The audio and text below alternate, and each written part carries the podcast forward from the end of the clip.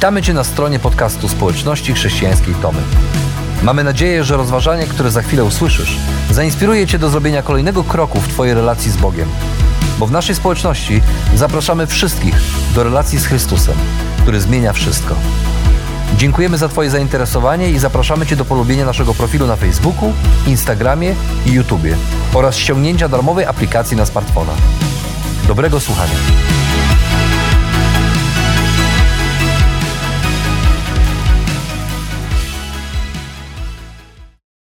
Nikt z nas nie lubi, kiedy e, nasz wysiłek idzie na marne.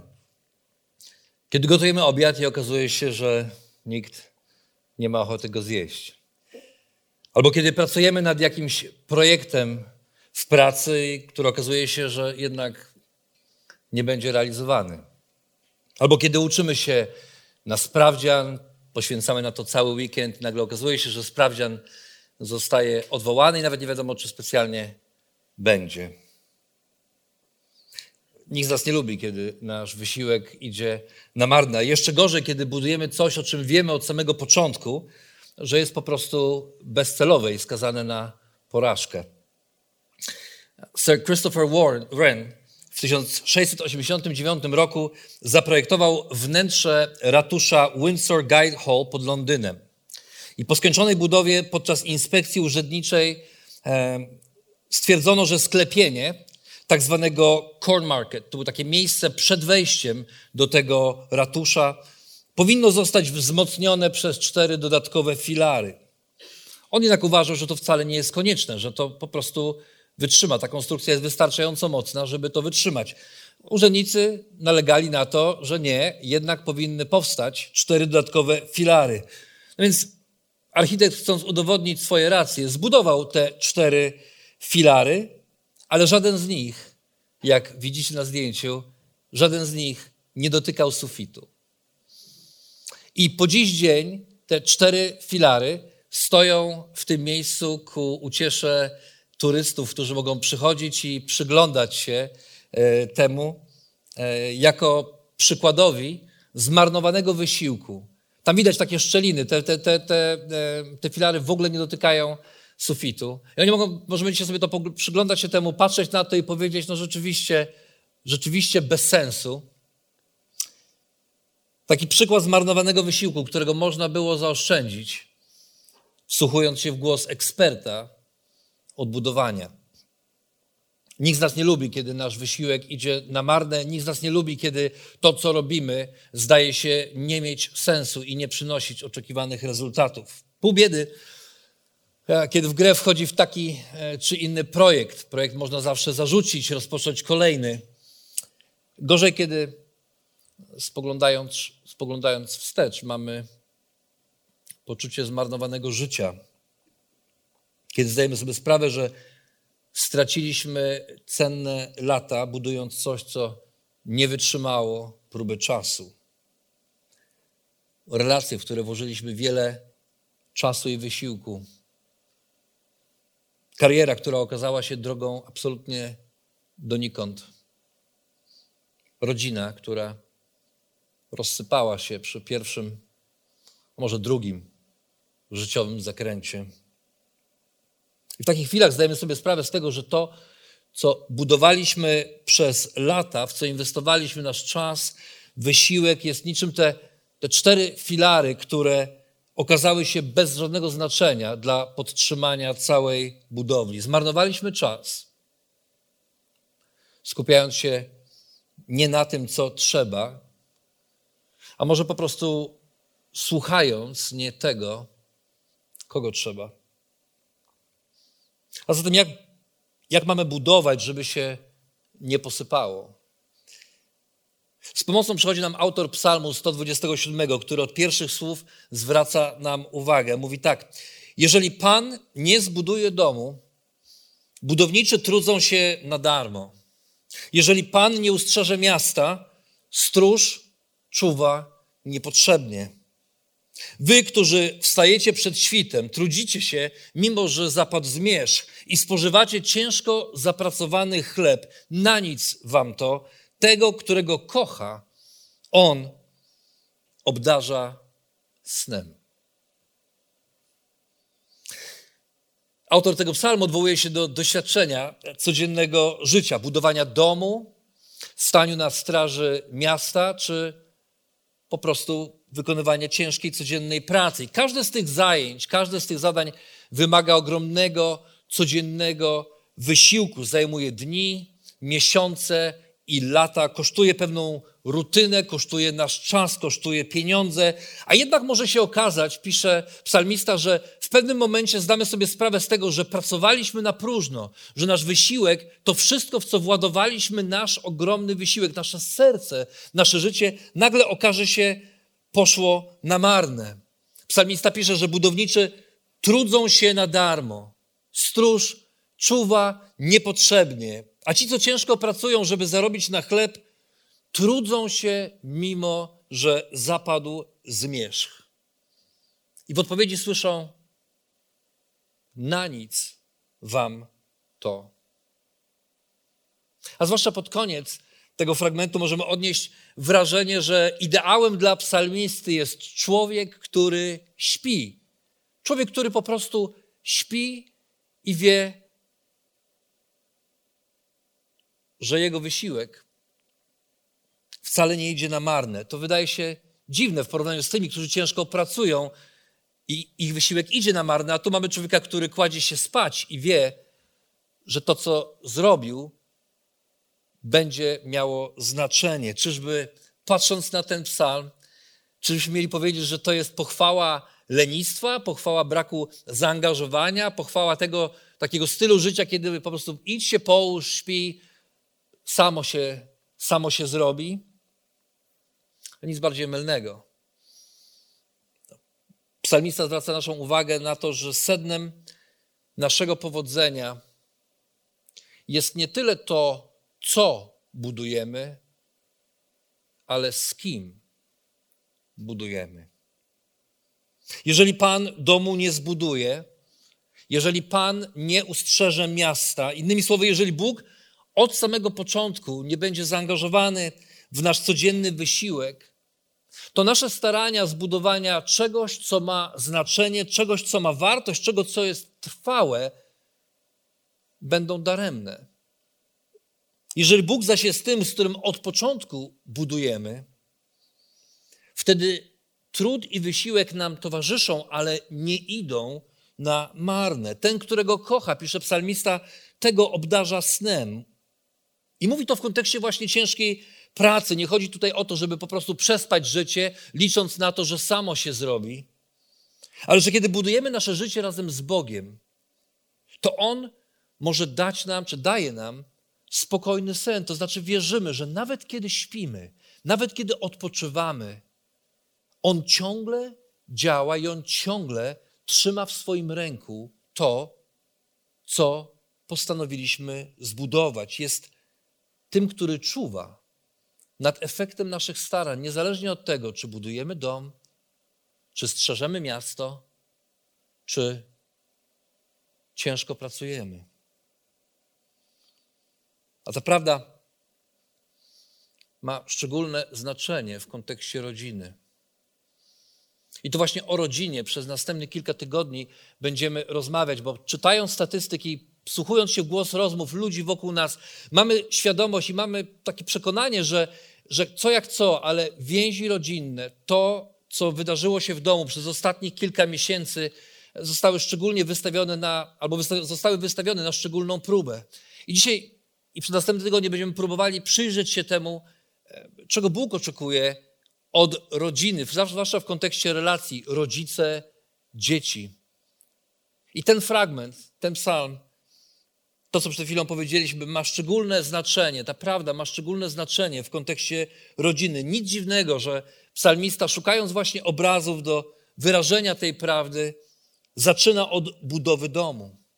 I nie ma znaczenia, czy ten dom to dom na przedmieściach, czy to małe mieszkanko w bloku, czy ten dom jest większy, czy mniejszy, czy ten dom to dom, w którym są dzieci, czy dom, w którym nie ma dzieci, a może już nie ma dzieci, a może nigdy nie było w nim dzieci z jakiegoś powodu. Tak czy inaczej, jeżeli chcemy budować tak, żeby się nie posypało, to nasz rodzinny dom powinniśmy od początku budować razem z Bogiem.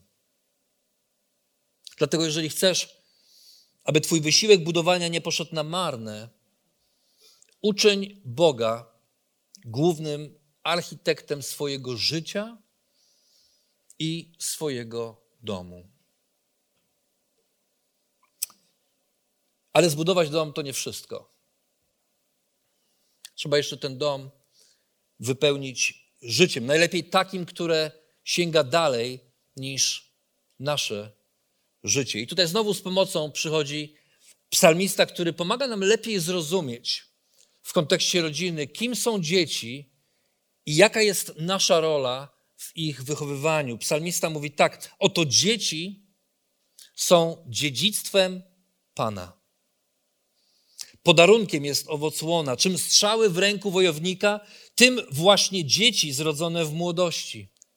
Szczęśliwy człowiek, któremu Bóg napełnił nimi kołczan i nie spotka ich wstyd, gdy będą odpierać rację swych wrogów w bramie. I tak właśnie opisując szczęśliwy dom, psalmista znowu posługuje się obrazami, które dla nas dzisiaj mogą wydawać się nieco dziwne, ale dla starożytnych były, były bardzo czytelne i zrozumiałe. Dla nich wtedy posiadanie dzieci było największym błogosławieństwem, jaki człowiek mógł, jego człowiek mógł doświadczyć za życia. Brak dzieci był powodem do rozpaczy. Ci, do których pisał, doskonale wiedzieli, o czym mówi. Dzisiaj my mamy szczęśliwe rodziny z dziećmi i szczęśliwe rodziny, w których z różnych powodów nie ma dzieci. Jednak w większości są. I, I właśnie tutaj w kontekście dzieci pada pytanie, no dobrze, to jaki wpływ na nasze dzieci ma ten nasz styl budowania, to jak budujemy i to z kim budujemy.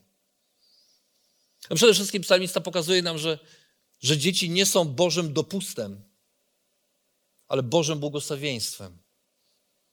Nam czasem zdarza się, zwłaszcza w dzisiejszej kulturze, myśleć o dzieciach jako tych, które są mniej ważne, jako tych, które mają mniej do powiedzenia, a może nawet czasami w niektórych sytuacjach życiowych myślimy o dzieciach jako o Bożym dopuście. To się stało, zaszłam w ciążę, czy zaszliśmy w ciążę, problem. I ja tego absolutnie nie lekceważę. Wiem, że ludzie w takich sytuacjach są często popchnięci do podejmowania bardzo różnych decyzji. Natomiast patrząc z perspektywy Bożego Słowa, Bóg mówi, Dzieci nie są Bożym dopustem, nawet jeżeli nieplanowane. Nawet jeżeli, powiedzmy to otwarcie, nawet jeżeli na pewnym etapie życia niechciane, to Bóg mówi: dziecko nie jest dopustem. Dziecko jest darem. Nawet nienarodzone jeszcze dziecko jest darem od momentu poczęcia. I ponieważ dziecko jest darem, jest błogosławieństwem, jest, Bóg mówi, jest tym, jest jak strzała, którymi Bóg wypełnia kołczan wojownika. Są darem, ale nie tylko darem, są też jego dziedzictwem, unikalną możliwością przekazania Bożego przesłania dla świata następnemu pokoleniu. To właśnie dlatego Bóg obdarowuje rodziny dziećmi. Nie tylko po to, żebyśmy się pomnażali, tak jak było to zamysłem na początku w kontekście relacji, tej, tej relacji na początku w, w, w raju. Ale dzieci są dziedzictwem, to znaczy dzieci mogą ponieść przesłanie o Bogu, Boże dziedzictwo, Boży pomysł na świat, Boży pomysł na życie do następnego pokolenia. I w tym sensie są darem dla świata. Są darem dla ciebie i dla mnie. Widać to w tych rodzinach, które wcześniej zdały sobie sprawę z tego, że jeżeli Pan domu nie zbuduje, daremny nasz trud i wysiłek włożony w wychowanie dzieci. Widać to w rodzinach, w których z pokolenia na pokolenie rodzice świadomie powierzali życie swoich dzieci Bogu i trud wychowania łączyli z życiem w posłuszeństwie i wierności Bożemu Słowu. Niektórzy z nas na tej sali przejęli to błogosławieństwo od swoich rodziców i od rodziców swoich rodziców. Ale niektórzy z nas na tej sali rozpoczęli to błogosławieństwo, stając się po raz pierwszy świadomie wierzącymi rodzicami w swoich rodzinach. Ale jedni i drudzy mogą widzieć, jak, jak zwłaszcza w życiu dorosłych dzieci, owoce tego błogosławieństwa i tego, że patrząc na nie, możemy widzieć, jak teraz one, dorosłe już dzieci, podejmują wysiłek wychowania swoich dzieci w bojaźni Bożej, w tym przekonaniu, że Bóg jest tym, który błogosławi, to On jest tym, który daje najlepsze wskazówki do życia. I tak wychowane dzieci niosą Boże dziedzictwo, Boże przesłanie dla świata, dla następnego pokolenia, ale nie tylko to. Tak wychowane dzieci są niczym broń w rękach łucznika, dając swoim rodzinom poczucie siły i bezpieczeństwa.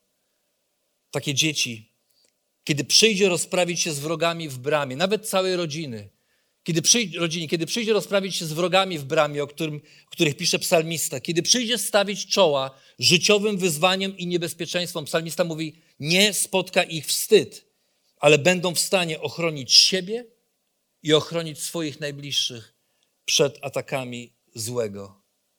Bo w nich, w naszych dzieciach, żyć będzie to, czego je nauczymy za młodu, kiedy uczestnicząc w naszej historii, przyglądając się naszemu życiu, nasiąkając tym, czego nauczyły się w naszym rodzinnym domu, będą mogły przygotować się na pisanie, czy mogły się wtedy przygotować na pisanie swojej historii. Dlatego, jeżeli uczynisz Boga głównym architektem swojego życia i swojego domu, On zadba o stabilność i bezpieczeństwo Twoje i Twojej rodziny. Ktoś kiedyś powiedział, każdy gdzieś kończy, ale tylko nieliczni kończą tam, gdzie sobie zamierzyli. A to, gdzie skończymy, zależy w dużej mierze od tego, z kim będziemy budować to, co sobie zamierzyliśmy. I nikt z nas, jestem o tym przekonany, nie chce trudzić się na marne i podejmować wysiłek budowania rodzinnego domu z perspektywą porażki. Ale kiedy razem z Bogiem budujemy nasze życie i nasz dom, nasz wysiłek nie pójdzie na marne, a nasza rodzina ostoi się w obliczu niebezpieczeństwa.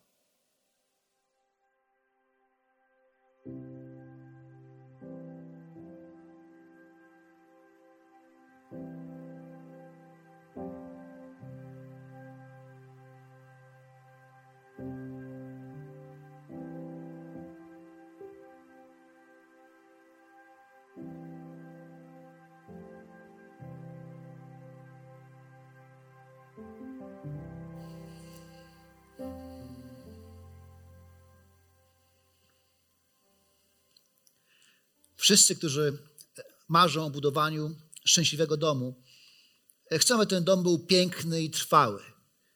Jednak kiedy zaczną go budować, nawet jeżeli to robią tak, jak mówił Psalm 127, czyli dobrze, to w jakimś momencie odkrywają, że to budowanie nie zawsze jest takie proste i czasem sprawy się komplikują. I to budowanie tak wcale łatwo nie przychodzi. Chociaż pewnie wszyscy marzymy o życiu jak z bajki, to rzeczywistość często bajkowa bynajmniej nie jest.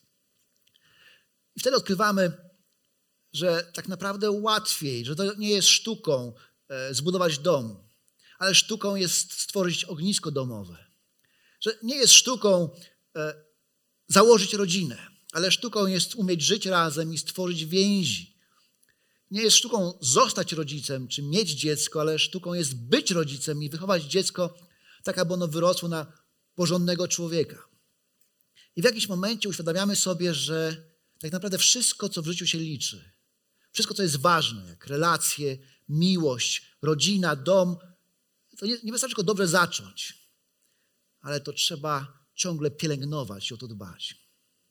I właśnie wtedy, po przeczytaniu psalmu 127, mamy ochotę sięgnąć do następnego psalmu, 128, gdzie poeta w formie pieśni śpiewa o pięknej rodzinie. Maluje przed nami obraz szczęśliwej rodziny i snuje ciąg dalszy opowieści.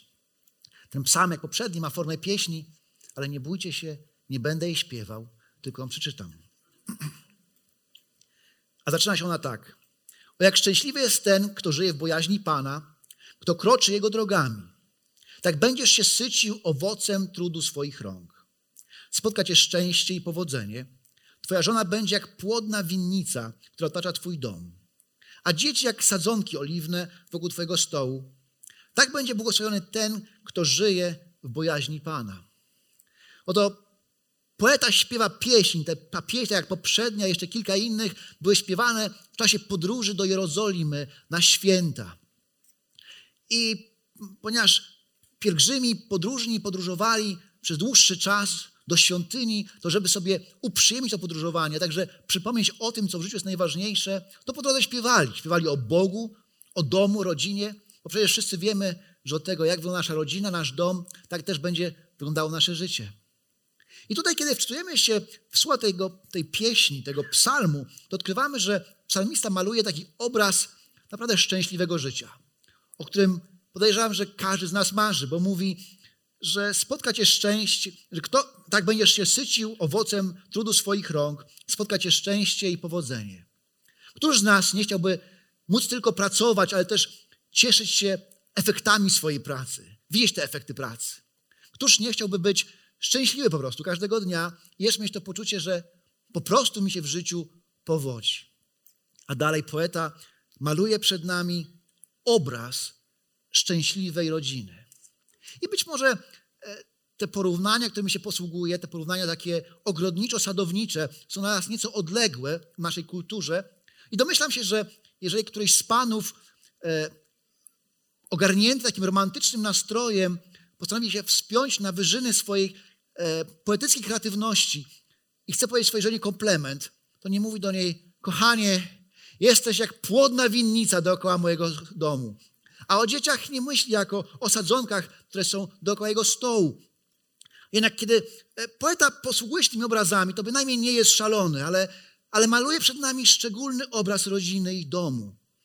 Ta rodzina jest jak winnica i jest jak gaj oliwny, ponieważ to jest miejsce, które jest piękne, które jest kwitnące, które jest pełne życia, które tętni życiem, które, w którym życie nigdy nie przestaje nie przestaje nigdy życie tętnić i nie przestaje zachwycać. Taka właśnie jest to rodzina. I kiedy patrzymy na ten obraz, to myślimy sobie, że takiej rodziny właśnie chcemy, takiego domu. Ale kiedy jeszcze uważnie wczytujemy się w ten opis, to w tym opisie jest coś, co zdaje się psuć tą sielankę, ten idealny obraz rodziny. A mianowicie to jest pierwsze zdanie tej pieśni. A brzmi ono, o jak szczęśliwy jest ten, kto żyje w bojaźni Pana. Krótko mówiąc, szczęściarzem jest ten, kto boi się Boga. I dla nas te słowa szczęście i bojaźń, one jakoś nie łączą się ze sobą, nie idą ze sobą w parze, a nawet zdają się ze sobą wykluczać, bo, bo szczęście, te szczęśliwe chwile naszego życia to nie są te, kiedy czegoś albo kogoś się baliśmy. Gdybym ja zapytać się ciebie, opowiedz mi o najszczęśliwszych chwilach swojego życia, to pewnie nie opowiadałbyś o tych, których przeżywałeś lęk albo strach przed kimś albo przed czymś. Jednak być może mamy problem ze zrozumieniem tego psalmu, ponieważ nie do końca rozumiemy, że w Starym Testamencie ta, ta idea bojaźni Boga oznaczała tyle, co bać się Boga oznaczało tyle, co żyć w posłuszeństwie wobec Jego słowa, Jego przykazań. To była postawa posłuszeństwa wobec Bożego Słowa. Dlatego właśnie psalmista mówi, o jak szczęśliwy jest ten, kto żyje w bojaźni Pana, a potem wyjaśnia, kto kroczy Jego drogami, czyli na każdym kroku swojego życia żyje zgodnie z Bożym Słowem, postępuje tak, jak Bóg od niego oczekuje. I ta myśl jest tak bardzo ważna, ta myśl o bojaźni Bożej, że poeta w swojej pieśni zaczyna tę pieśń, a potem snuje obraz pięknej rodziny, która jest jak winnica i ten obraz znowu domyka tą samą myśl, jak refrenem, mówiąc o bojaźni Boga. Bo dla Niego w życiu wszystko zaczynało się i kończyło na decyzji, kogo będę słuchać i kto jest architektem mojego życia. I ta decyzja, kto jest architektem mojego życia, nie tylko na początku, ale na każdym kroku, to jest najważniejsza decyzja życia, bo ona sprawia, że patrzę na życie inaczej. Widzę, że to życie ma większy sens, że rodzina, relacje rodzinne mają większy sens, że to budowanie ma wymiar wieczności, bo ono nie kończy tu i teraz, ale Bóg stworzył nas do wieczności. Ta decyzja że to Bóg jest architektem mojego życia i mojego domu i mojej rodziny, sprawia, że inaczej zaczynamy patrzeć na swoją rodzinę i swoje życie. Inaczej pracujemy i zarabiamy pieniądze. Inaczej je wydajemy. Inaczej spędzamy czas wolny. Inaczej się kłócimy, inaczej się godzimy. Inaczej rozmawiamy, inaczej wychowujemy swoje dzieci, inaczej myślimy o kolejnych pokoleniach. Nawet jeżeli nie mamy dzieci, jesteśmy wujkami albo ciociami, to inaczej myślimy o tych, którzy są dookoła nas. Bo to Bóg jest architektem naszego domu, naszego życia. A kiedy podejmujemy tę decyzję, to nie tylko my inaczej patrzymy na życie, ale też doświadczamy tego, o czym ten psalm mówi, że nasze życie staje się taką właśnie piękną winnicą albo gajem oliwnym, że on odchętni życiem, jest piękne. Doświadczamy Bożego błogosławieństwa.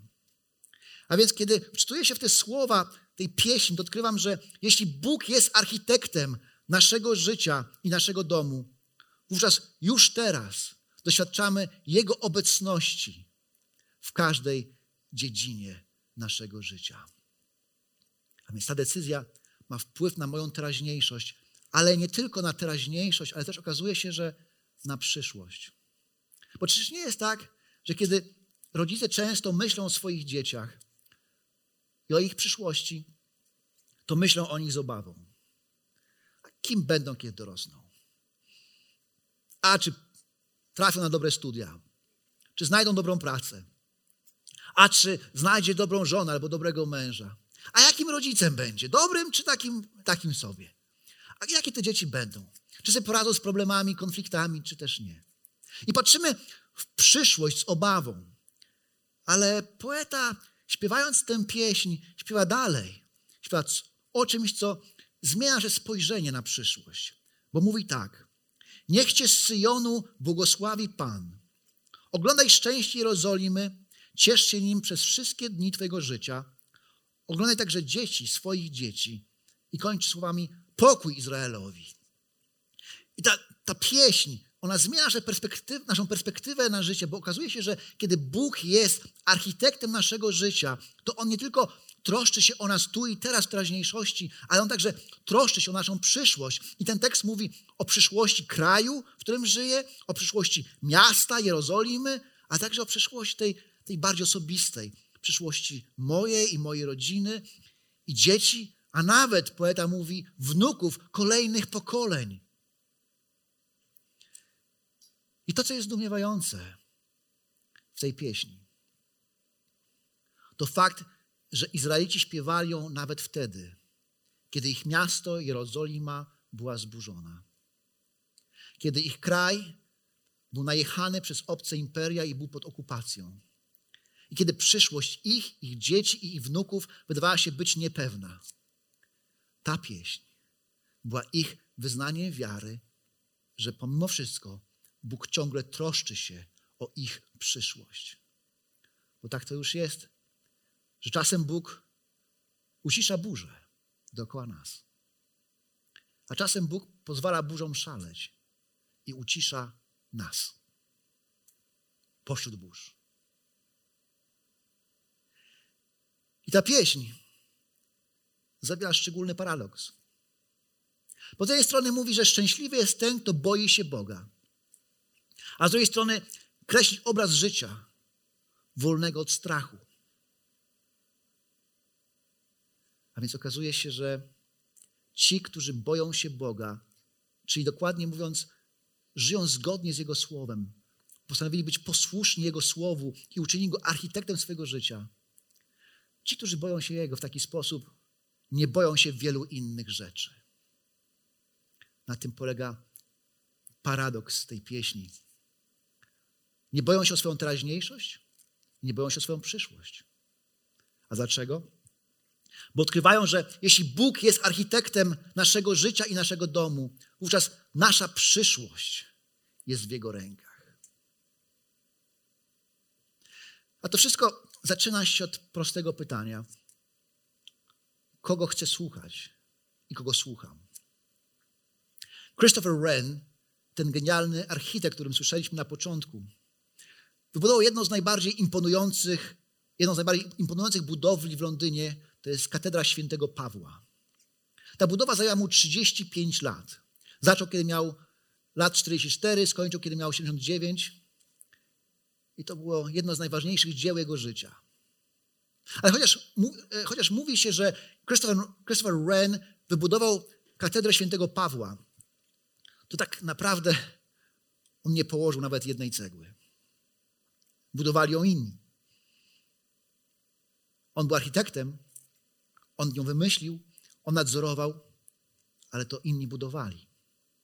Jednak sukces tego budowania przez innych zależy od tego, czy kiedy budowali i kładli kamień po kamieniu, cegła po cegle, czy robili to według planu architekta, według jego zamysłu. I podobnie jest z naszymi rodzinami.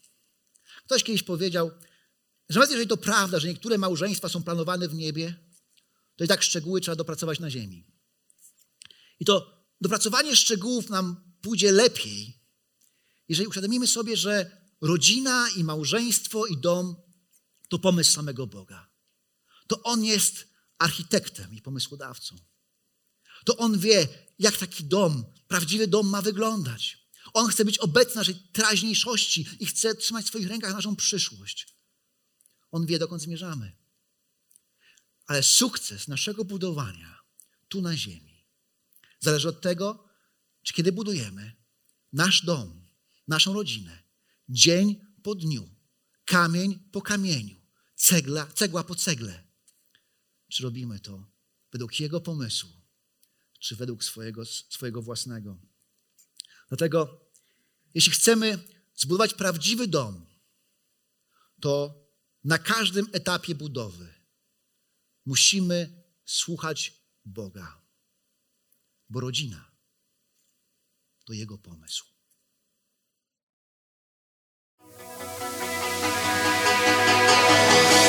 Jeszcze raz dziękujemy za wysłuchanie naszego rozważania. Jeżeli mieszkasz w okolicach Tomaszowa Mazowieckiego lub Łodzi, zapraszamy Cię do odwiedzenia nas na niedzielnym nabożeństwie. Więcej informacji znajdziesz na stronie schatomy.pl.